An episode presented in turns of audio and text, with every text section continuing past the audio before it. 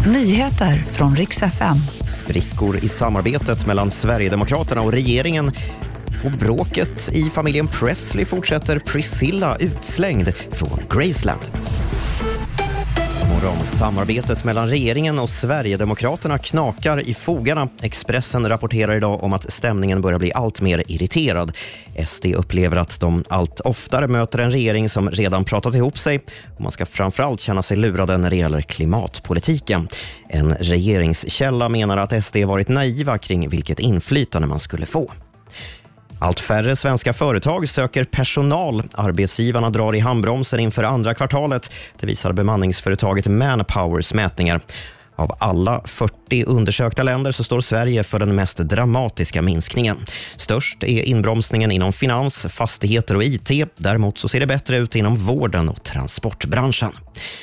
Och till sist, det stora familjegrälet i familjen Presley fortsätter. Lisa Marie Presleys död i januari har lett till en infekterad strid.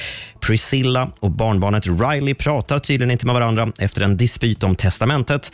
Och nu berättar en källa för Radar Online att Priscilla Presley dessutom har blivit utslängd från Graceland av samma barnbarn som ska ha bytt ut låsen på alla dörrar.